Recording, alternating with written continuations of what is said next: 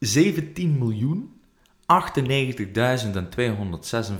Dat zijn de vierkante kilometers die Rusland als oppervlakte heeft.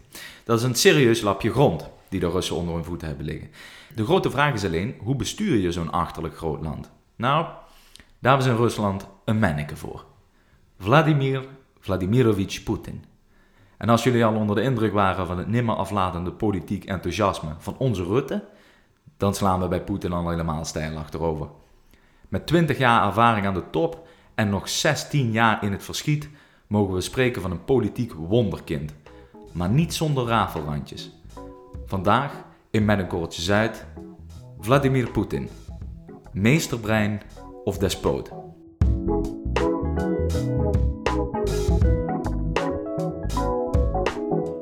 Dit is Met een Korreltje Zuid. In deze podcast nemen we je wekelijks mee naar internationale obscuriteiten en geopolitieke uithoeken. Ongezouten, maar met smaak. Wij zijn Max en Auke. Welkom.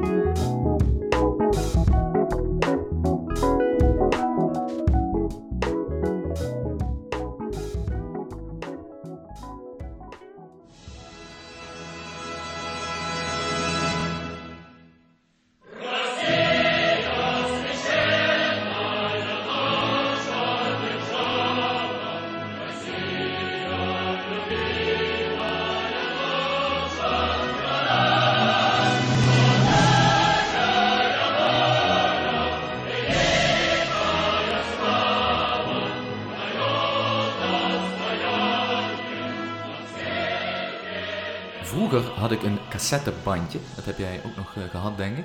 Ja, En ehm daar stonden allemaal sprookjes en verhaaltjes op en weet ik veel wat.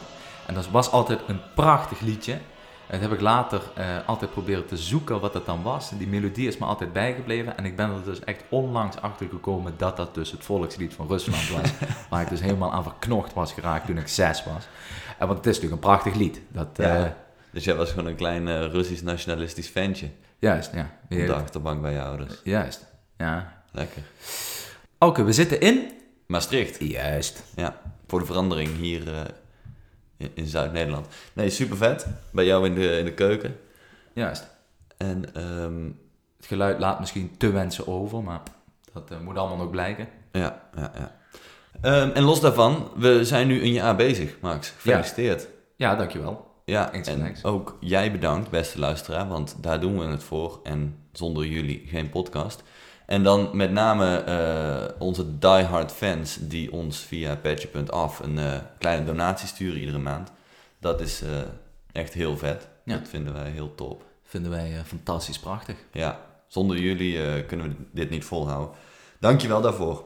En we hopen hier nog, nog in ieder geval een jaar of tien aan te plakken. Ja.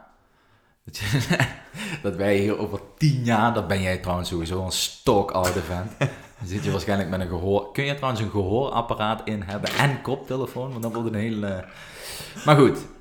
Ehm, vandaag, zoals ik eh, net al tijdens de intro aangaf... ehm, kijken we weer eens, eh, en dat doen we wel vaker, richting het oosten. En in dit geval spreken we over Rusland, want daar is eh, ook weer de afgelopen tijd behoorlijk weer wat over te doen geweest. Ja, Onze beste Vladimir, Vladi, mogen wij hem denk ik wel eh, noemen, ja dat denk ik wel, ja. of Vlad, Vlad. Eh, die, ehm, ja, dat is toch een, het is, een, het is sowieso een bijzonder figuur. Markant mannetje. Markant, dat is een goed woord, markant mannetje. Ja. Eh, nou, mannetje, noem dat maar man. Een kerel. Dat is wel een kerel, ja. Ja. Ehm, hij heeft de grondwet gewijzigd in zijn, in zijn eigen voordeel. Ja. ja, dat heeft hij slim aangepakt. Sowieso is Poetin natuurlijk een man die eh soort 3D schaak speelt op het politieke vlak. Ehm, ja, en dat zeg je goed. Hij heeft deze, dit jaar een, eh, een referendum er doorheen gevoerd. Dat ging over een aantal punten, waaronder dat de Russische wet boven internationale wetgeving gaat en dat, dat, dat, dat, het schoolcurriculum veel nationalistischer moet worden. Eh, het waren een stuk of zes, zeven punten, maar één daarvan was inderdaad ehm, dat de presidentiële term, eh, termijnen, sorry, eh, dat worden er nu twee van zes jaar. Mhm. Maar het, hij heeft het dan mooi geregeld, want hij heeft natuurlijk in principe al, al lang die termijnen erop zitten. Maar nu met het referendum begint eigenlijk iedereen weer met een blank sheet. Mhm. Dus hij ook. Blank slate. Blank slate, Ja. ja. Begint weer vanaf nul. De teller gaat gewoon weer op nul. Ja, Dus als zijn huidige termijn afloopt, dan kan hij eh, nog twee termijnen van zes jaar eh, daar zitten. Dus in totaal nog 16 jaar nu. dat is wel lekker. Ja, Maar eh, wij struikelen daar natuurlijk over als liberale democratieën. Ja. ja dat vinden wij niet kunnen. Wat vind jij daarvan? Vind jij dat niet kunnen? Ja, ik denk, ik, Rusland is gewoon een ingewikkeld land, man. Want wat je zegt, in het begin zei je dat al, dat het is zo'n gigantisch groot land, dat de mensen die in Sint-Petersburg een, een tech start-up hebben, die hebben helemaal niks. Maar dan ook niks in overeenkomst met eh de jongens die in Kamchatka aan het ijsvissen zijn. Ja, ja, ja. Zo- Maar nu moet ik wel zeggen, kijk, ik denk ook dat de gemiddelde eh stocktrader die bij de ABN AMRO op de 17e verdieping zit, eh, vrij weinig te maken heeft met mensen die een nut een, eh een appel-abrikoosvlaai aan het bakken zijn. ja, nee, dat klopt. Ja, maar wat goed. Mm, Maar ik snap wat je bedoelt te zeggen. Je hebt gewoon een, een, een, een, een land wat, ja, het is gewoon, je zou haast zeggen dat het, is eigenlijk een wereld op zich. ja, ja, Qua oppervlakte, qua, qua zus en zo. Maar Rusland is een federatie. ja, Dat houdt dus in dat eh, de, de, de regio's die onderdeel zijn van die federatie op zich nog enige autonomie eh, hebben. ja. Maar ehm, wat is er waar van het verhaal dat Poetin wel eh soorten met van de dictator daar is? De autocraat, degene die alles in handen heeft? Ja, dat is denk dat is wel redelijk waar. Ja. Hij, heeft, hij zit er natuurlijk al sinds 2000 is hij president. Hij heeft een kleine uitstapje gemaakt rond 2008, want toen waren ook zijn termijnen op. Ja. En toen heeft hij met Vedev naar voren geschoven en was hij minister-president, maar in principe Ja. gewoon nog hetzelfde. De facto was hij gewoon nog eh, Juist. de man. Ja, ja, ja. Nou ja, hij heeft wel gewoon. ehm, hij is al twintig jaar bezig om die machtspositie eh, keihard te verstevigen. Iedere. Je hebt in Rusland dus na de val van de Sovjet-Unie. ehm, ja, waren er een aantal van die staatsbedrijven, of een aantal, gewoon een redelijk fors aantal staatsbedrijven, van, van mijnen tot transport, dat, eh, nou, noem maar op. Ehm, en die werden verkocht. Die, werden natuurlijk, die moesten geprivatiseerd worden. En die zijn allemaal in handen gekomen van natuurlijk een aantal rijke Russen, de Ja. oligarchen. Juist. Eh, en dat zijn nu eh, allemaal miljardairs. Dat, Ja. zijn de, ja, dat zijn de jongens die je in Monaco met hun boot ziet liggen. Juist. Ehm, en die hebben natuurlijk redelijk veel macht in Rusland. Mhm. Ehm, maar je ziet in de afgelopen twintig jaar dat iedere oligarch die zich tegen Poetin uitspreekt, die heeft een groot probleem. Die, die, die, die verdwijnt in de gevangenis of die daarvan worden de, de, de, de rekeningen bevroren, dat soort zaken. Mhm. Ehm, dus Poetin zorgt er wel voor dat die oligarchen, eh goedschiks dan wel kwaadschiks, ehm, hem steunen. Ja. En dan krijg je dus eigenlijk dat soort eh piramidespel wat je als dictator moet hebben. Namelijk één man aan de top, daaronder een handvol, in dit geval oligarchen. En daaronder weer een, een rits aan managers en mannen die het allemaal voor je regelen. En die moet je natuurlijk allemaal in het gareel houden. Die moet je allemaal zorgen dat die wel jou steunen en niet te veel gekke ideeën krijgen. Ja, maar kunnen we niet ook het volgende vaststellen, namelijk dat Poetin wel een, eh, gewoon een gerenommeerd leider is in Rusland. Met andere woorden, ehm, daar is een, eh, zoals jij zei, een referendum gehouden over die, grondwet, Ja. die grondwetswijzigingen. En daaruit kwam gewoon naar voren dat hij een ontzettend grote support krijgt van het Russische volk. Nou, nu, kun je, nu zou je kunnen vaststellen, nou oké, dat was dan misschien geen 80%, hè, want dat was de uitslag, dus 80% Ja. in favor of eh, Poetin.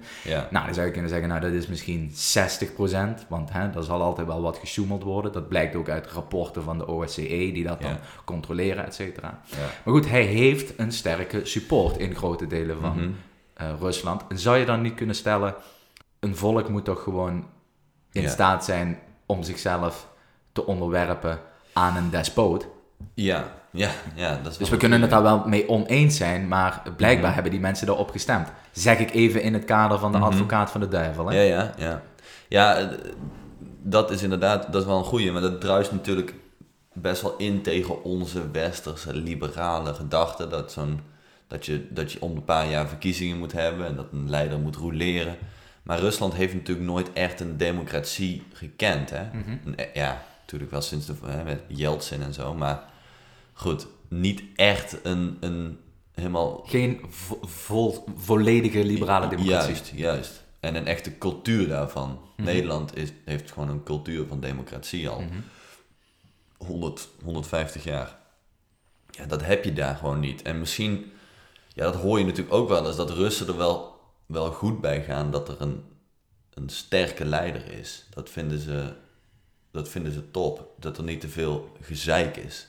Gewoon een man die de touwtjes in handen heeft. Ja, en dat, weet je, een soort, een, een soort strikte vader. Ja, daar ben je het ook niet altijd mee eens, maar dat kan. Dat Kan wel Kan handig wel. zijn als je Ja. je studie moet halen. Ja, ja, precies. Ehm, ja, daar ben ik het eh, eigenlijk mee oneens. Om te beginnen, kijk, dat is altijd een heel makkelijk argument, snap je? Als je zegt, ja, de Russen die zijn nog niet klaar voor een democratie, of de Russen Ja. die vinden dat hij top is, of zus, of zo. Maar ja, kijk, zo'n liberale samenleving, die bestaat natuurlijk ook bij de gratie van vrijheid. Dus Ja. dat je moet kunnen eh, zeggen wat je vindt, dat je moet kunnen... eh, eh, dat je je als volk, laten we zeggen, eh, een beetje moet, moet kunnen wapenen ja. tegen ja, de, de despoten. Het is heel makkelijk om te zeggen, ja, die Russen die zijn er toch gewend. ja, nee, nee, klopt. Daar ben ik het wel mee eens. Ja.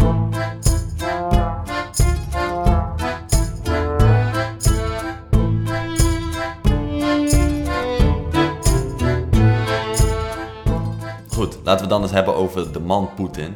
Want het is me er een hoor. Het is een, eh, een man met een, met een verleden. En niet zomaar een. Zo. Hij is natuurlijk eh, vrij snel na zijn eh, studie eh, in Sint-Petersburg, waar hij vandaan komt, is hij bij de KGB gegaan. En dan Ja. weten we allemaal, de KGB is de geheime dienst uit, uit Rusland. Ja, dat, is niet de, dat zijn niet de, de padvinders uit Scharne-Goutem. hè. dat zijn wel dat zijn iets serieuzere knapen. Ja? Ja. Nee, dat is heel... eh, heel dat zijn dus, dus even, hè, voor- wel even voor de feiten. Dat zijn dus niet de padvinders uit Scharnegouten, zeg je. Nee. Oké. Nee. Dus Poetin werd in eh, Oost-Duitsland gestationeerd. Hij spreekt ook vloeiend Duits. Mhm. Eh, met Merkel en, en zo kan hij altijd in het Duits communiceren. Ehm, maar wat gaaf is, hij was daar dus spion. Mhm. En er zijn foto's van hem. Eh, of eigenlijk foto's van Ronald Reagan, de Amerikaanse president, die dan op bezoek was in Berlijn. En dan zie je een, ja, een toerist op de achtergrond staan. Ja. Maar dat is dus gewoon Poetin, die daar Ja. met een camera om zijn nek en een blouseje. Een jonge Poetin. En die probeert een beetje af te luisteren. Ja? Lekker hoor. Ja, ja, ja, ja. Ja, ik kan me natuurlijk voorstellen dat dat KGB, eh, die club, en dat is nu de F, FSB. FSB, ja. Ah, dat, dat, dat, dat is geen. Ik denk, ja, jij zegt, jij vergelijkt het met, eh, met eh, drie eh ruilnichten uit Scharnegouten. Maar het, het- ik denk dat het ook niet eens te vergelijken valt met een willekeurige andere Nee. inlichtingendienst uit Europa. Nee, zij zijn wel, zij waren, ja, natuurlijk de Koude Oorlog was het natuurlijk Rusland tegen Amerika. En dus er ging heel veel geld naar die geheime dienst. Ja. Nog steeds, hè? Nog steeds wel. ja. Want dat is ook een van de, ja, laten we zeggen, kritiekpunten ehm, die vanuit het Westen vaak eh, gevuurd wordt eh, richting, eh, richting Rusland en richting Poetin in het bijzonder. Mhm. Dus, dus omdat hij komt uit die inlichtingenwereld ehm, en daar ook een voorzitter van is geweest en weet ik veel Ja. wat, hij heeft dat nog steeds, net zoals heel veel andere dingen, maar goed, inlichtingendiensten dus in het bijzonder, Ja. nog steeds volledig in handen. Ja, dus je moet je voorstellen dat het, ja, wat je zegt, hij heeft daar wel flink de touwtjes in handen eh, in die geheime dienst. Ja, dus het is ook wat dat betreft voor hem natuurlijk wat makkelijker, Mhm. tussen haakjes, om die, ehm, die macht in handen te houden. Want hij heeft natuurlijk een lijpe dosis aan eh, blackmail materiaal over Mhm. die oligarchen in handen. Ja. Dat, is, dat lijkt me wel. Ja, en dat schiet, dat schiet wel op als je Ja. hebt. Ja, Dan kun je wel, dat is echt schaken, zeg maar. precies. Ja, hij heeft overal wel eh, zijn schaakpoppen staan klaar om... eh, Maar je zegt, jong mannetje stond hij achter Reagan. Ja, Dus hij is, eh, hij was zelf spion, zeg ja, jij. ja, ja. Maar ik vraag me dan af, kijk, spion zijn is één ding, Ja, maar hij is blijkbaar dus een dusdanig goede ja, rakker geweest daar in dat team. Een dusdanig goede spion en weet ik veel, een specialist als het Ja. ware. Dat hij zich gewoon helemaal heeft op weten te werken tot eh, voorzitter van de Russische inlichtingen. Nou, hij dat gaat toch niet zonder slag of stoot? Nee, kijk, het is natuurlijk... Het is een, een, een, een, een gehaaid mannetje. hij heeft, en hij, met een goed stel hersenen. Ehm, hij is na de KGB is hij... ehm, hoe zeg je dat in het Nederlands? Vice, vice-burgemeester geworden. Mhm. In eh, Sint-Petersburg. Mhm. Dus dat is ook al niet eh Jekaterinburg. Dat Ja. is gewoon wel een grote stad. Mhm. Ehm, en vanuit daar is hij in die topregionen van de politiek in Rusland terechtgekomen. En is hij onder Yeltsin eh, minister-president geworden. Mhm. Ehm, en eigenlijk bij toeval, althans, zo lijkt het. Het kan natuurlijk ook een heel slim uitgedokterd politiek spel zijn. Bij toeval, laten we het daar even bij hou- ophouden, ehm, is hij heel populair geworden. Want er waren in eind jaren negentig een aantal ehm, forse bomaanslagen van Tsjetsjenen. Mhm. Dat is dus zo'n r- regio in Zuid-Rusland. Ja. Eh, die willen ook weer afscheiden en separatistisch doen. Nou, die gingen een aantal bommenaanslagen eh, eh, plegen Mhm. in Moskou en weet ik het waar. Ehm, ja, dat, was, dat waren gewoon terroristische aanslagen in Rusland. En hij heeft zich toen als minister-president eh, weten te profileren als een, een, een krachtig leider die, waar je niet mee moet eh sollen. Als minister-president toen al? Of Ja. was dat nog tijdens eh, zijn burgemeesterschap? Nee, dat was als minister. Dus toen zat hij onder Yeltsin. Yeltsin was de president en hij was de minister-president. Oké. Ja, ja. Ehm, en, en toen heeft hij zich in de media en dergelijke wel. Heeft hij zich ontpopt? Ja, want hij was rel- relatief onbekend. Hij Ja. was gewoon een, een mannetje en een poppetje. Nou, en toen in de media heeft hij wel eh, zich heel krachtig naar voren weten te, te zetten. Nou, en toen eh, in 2000 is hij eh, eigenlijk door Yeltsin ook naar voren geschoven van... Nou, ik denk dat jij dit moet gaan doen. En toen is hij dus verkozen als, als president. Maar ik denk, jij zegt, jij spreekt net over toeval. En ik snap ook wel een beetje waarom je dat doet. Omdat je niet te veel wil speculeren hier in dit eh, verhaal. Ja.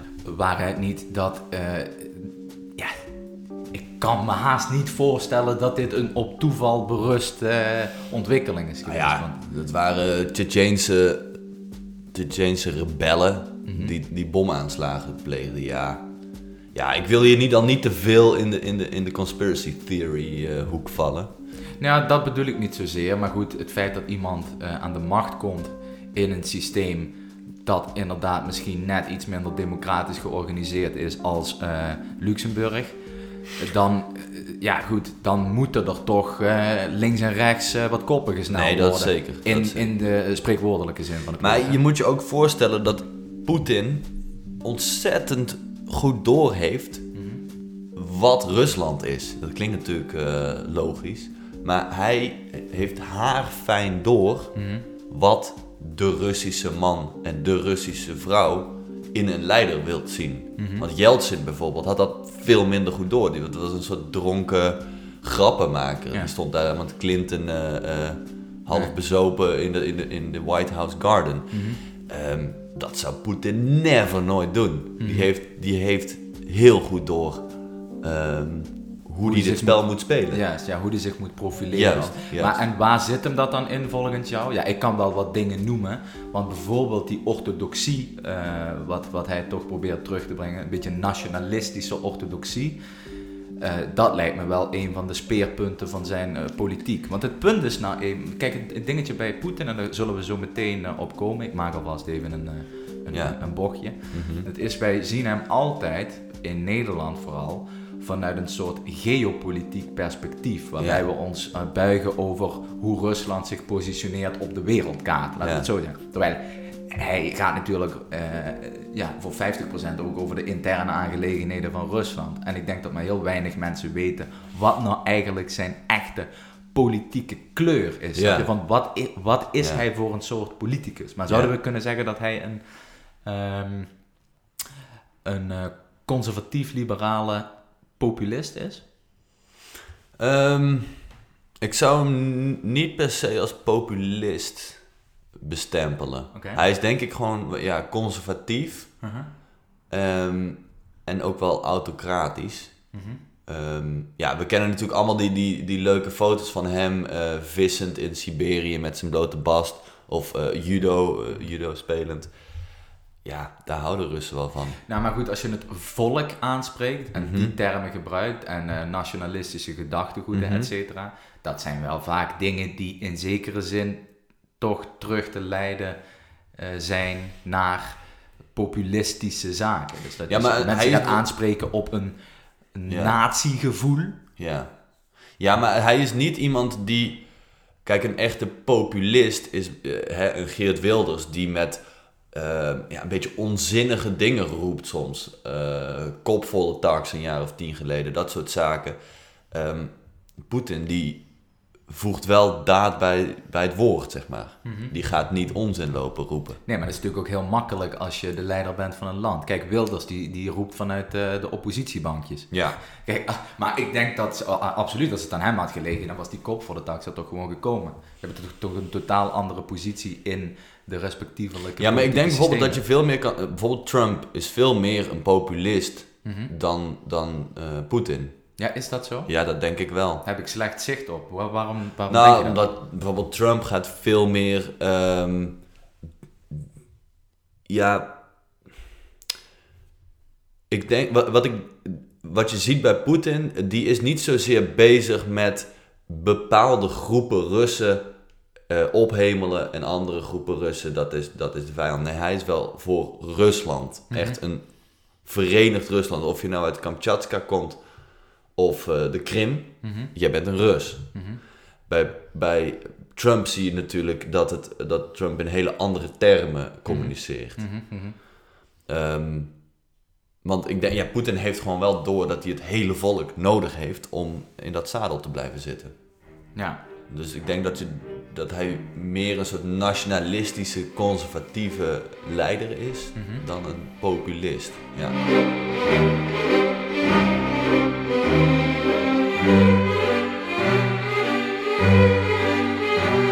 Dan, hij speelt dus judo.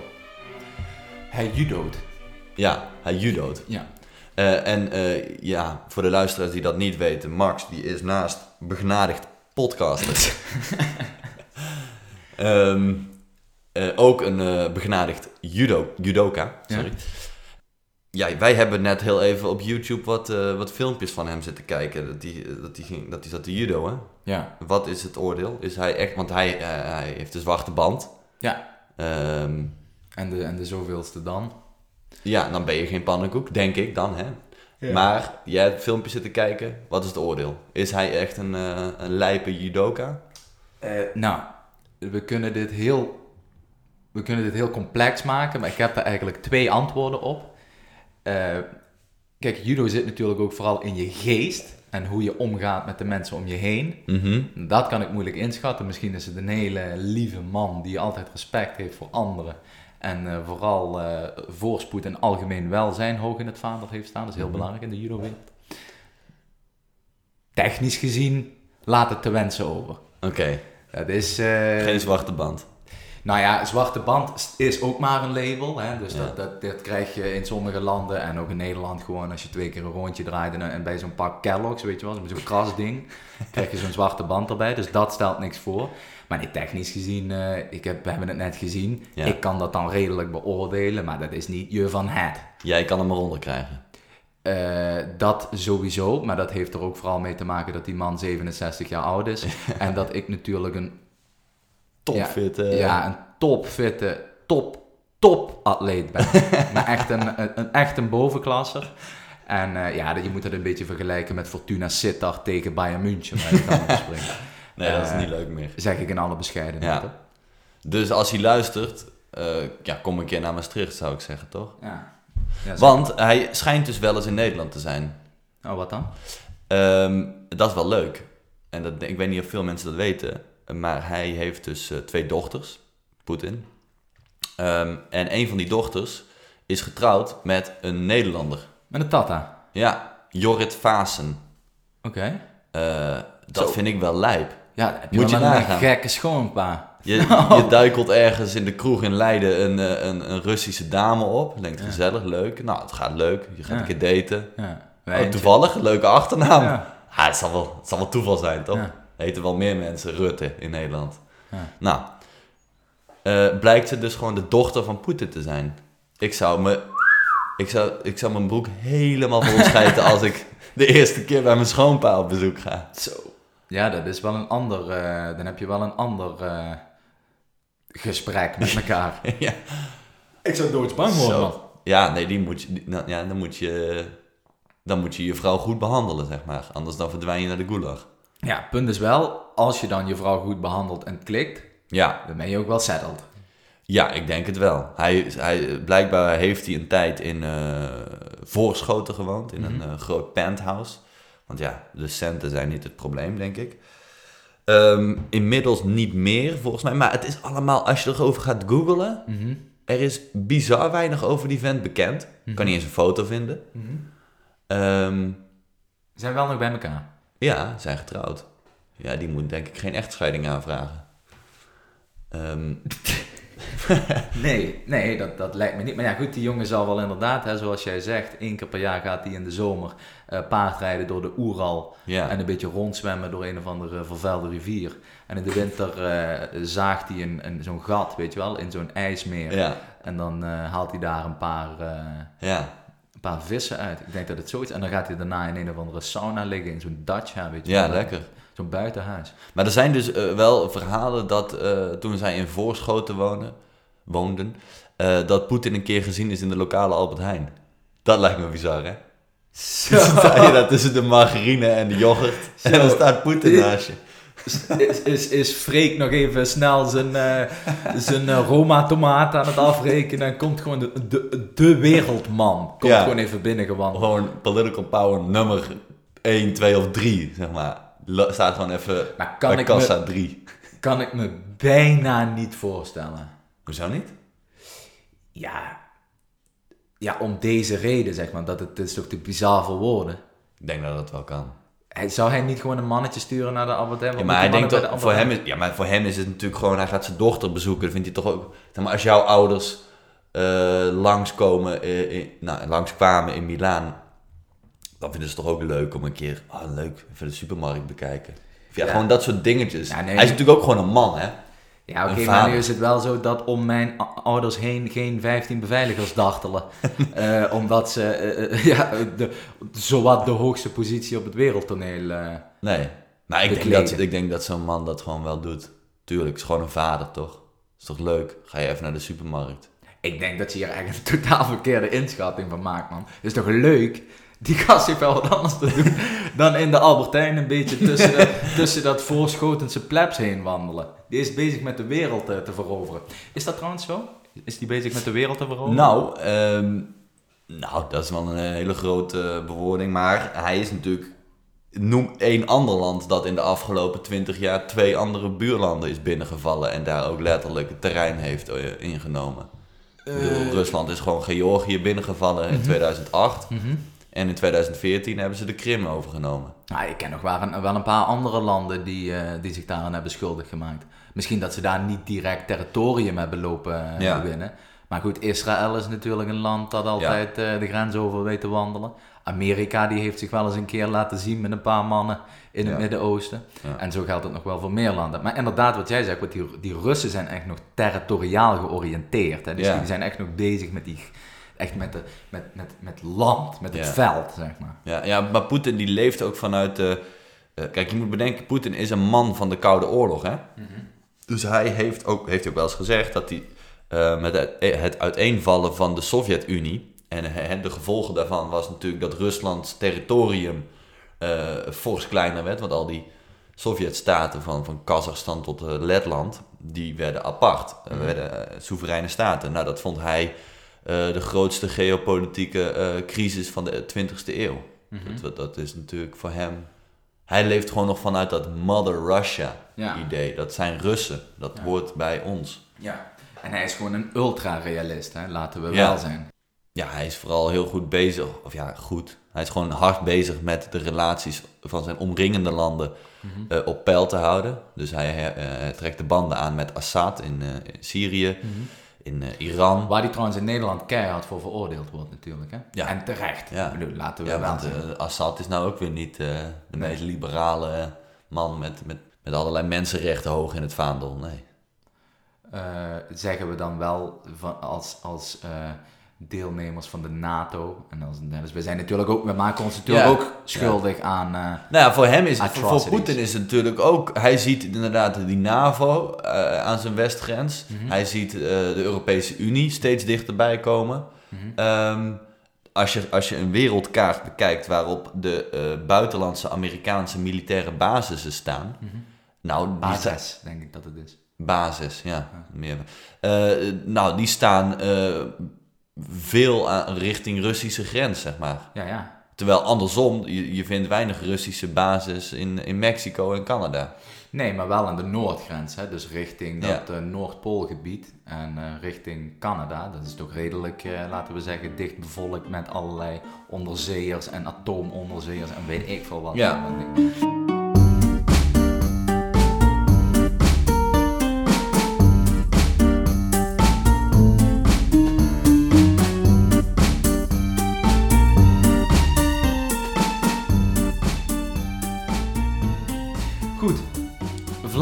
Poetin die zit dus, eh, als het goed is, hij moet nu zijn termijn dus nog uitzitten. Ja. En dan mag hij nog twee termijntjes van eh, zes jaar doen. Ja, Eh, als hij dat haalt, lichamelijk en mentaal, en Ja. ik ga er een beetje vanuit dat hij dat wel haalt, ja, ehm, dan mogen we dus nog tot, of wij, de Russen, mogen nog tot 2036 genieten van de fratsen van Poetin. de fratsen van Poetin. Ja. Wat vind jij daarvan? Oeh. Ja, Want, en ik vraag, stel die vraag, omdat dat natuurlijk uiteindelijk de vraag van deze podcast is, is Poetin een meesterbrein ja. of een despoot? Ik zou zeggen, hij is allebei. Kijk, vanuit... Ik, ik ben geen Rus, dus ik, voor mij is het natuurlijk makkelijk praten. Eh, maar als, laat ik het zeggen, als politicoloog of als hè, iemand die het op afstand volgt, vind ik het mega interessant om te zien ook hoe hij dat doet. Want hoe je het ook wendt of keert, die man die heeft het spelletje wel begrepen. Hè? Ja. Hij weet wel hoe je het voor elkaar bokst. Ja. ja, misschien dat meesterbrein en despoot ook elkaar niet per se hoeven uit Ja. te sluiten. Ik denk dat hij allebei is. Want hij. In een bepaalde soort cynische eh, zin heb ik wel lijp respect voor hem. Mhm. En dat klinkt heel raar, maar ja, wat ik zei, hij heeft echt knijtergoed door hoe je eh, de wereldpolitiek bespeelt. En, en nationale politiek ook. Ja. Hij speelt schaak op 25 verschillende vlakken ja, tegelijkertijd. Ja, dat, dat, dat is iets ongekends Ja. wat hij doet. ja. Maar eh, ja, de andere kant van de medaille is natuurlijk wel dat er allerlei eh, mensenrechten worden geschonden. Ja. En Dat daar... eh, ja. Nee, da- da- daar, en kijk, daarom eh, zeg ik het, het klinkt ook raar natuurlijk, want het is natuurlijk gewoon hoe hij, de, ja, hoe hij Rusland eh, beheerst. Het is niet, ik zou er niet willen wonen. Nee, mhm. nee. En dat heeft te maken met eh, het, eh, zijn het, politieke klimaat? Ja. Of, eh, Nou, en zijn regime, hè, dus eh, mensenrechten of, of eh, LHBTI-rechten. ehm, nou, en ook dat nationaal conservatisme. ehm, ja, dat is niet mijn straatje, zeg maar. Nee. Mag ik concluderen dat het moraal van dit verhaal van vandaag is dat Poetin zowel een meesterbrein Ja, als een despoot is. Een meesterbrein omdat hij al heel erg lang de touwtjes heel erg strak en toch, zo lijkt het tenminste, relatief georganiseerd in handen weet te houden. ja, En aan de andere kant gaat dat, ja, doet hij dat ten koste van ja, allerlei zaken die hem ja, misschien wel eh, een despoot maken. ja. Ja, Het zij het schenden van mensenrechten, Ja. het zij het binnenvallen van andere landen, het op een niet-democratische manier organiseren van hè, de politiek in zijn land. Ja, Ehm, het een sluit het ander niet uit. absoluut dat was het voor deze week. Eh, bedankt voor het luisteren. Dit was weer de eerste aflevering van dit nieuwe jaar. Of nou ja, we zijn gewoon een week op vakantie gegaan. En we gaan gewoon weer door. eh, zoals vanouds. Bedankt voor het luisteren. Tot volgende week. Spasiba. До свидания.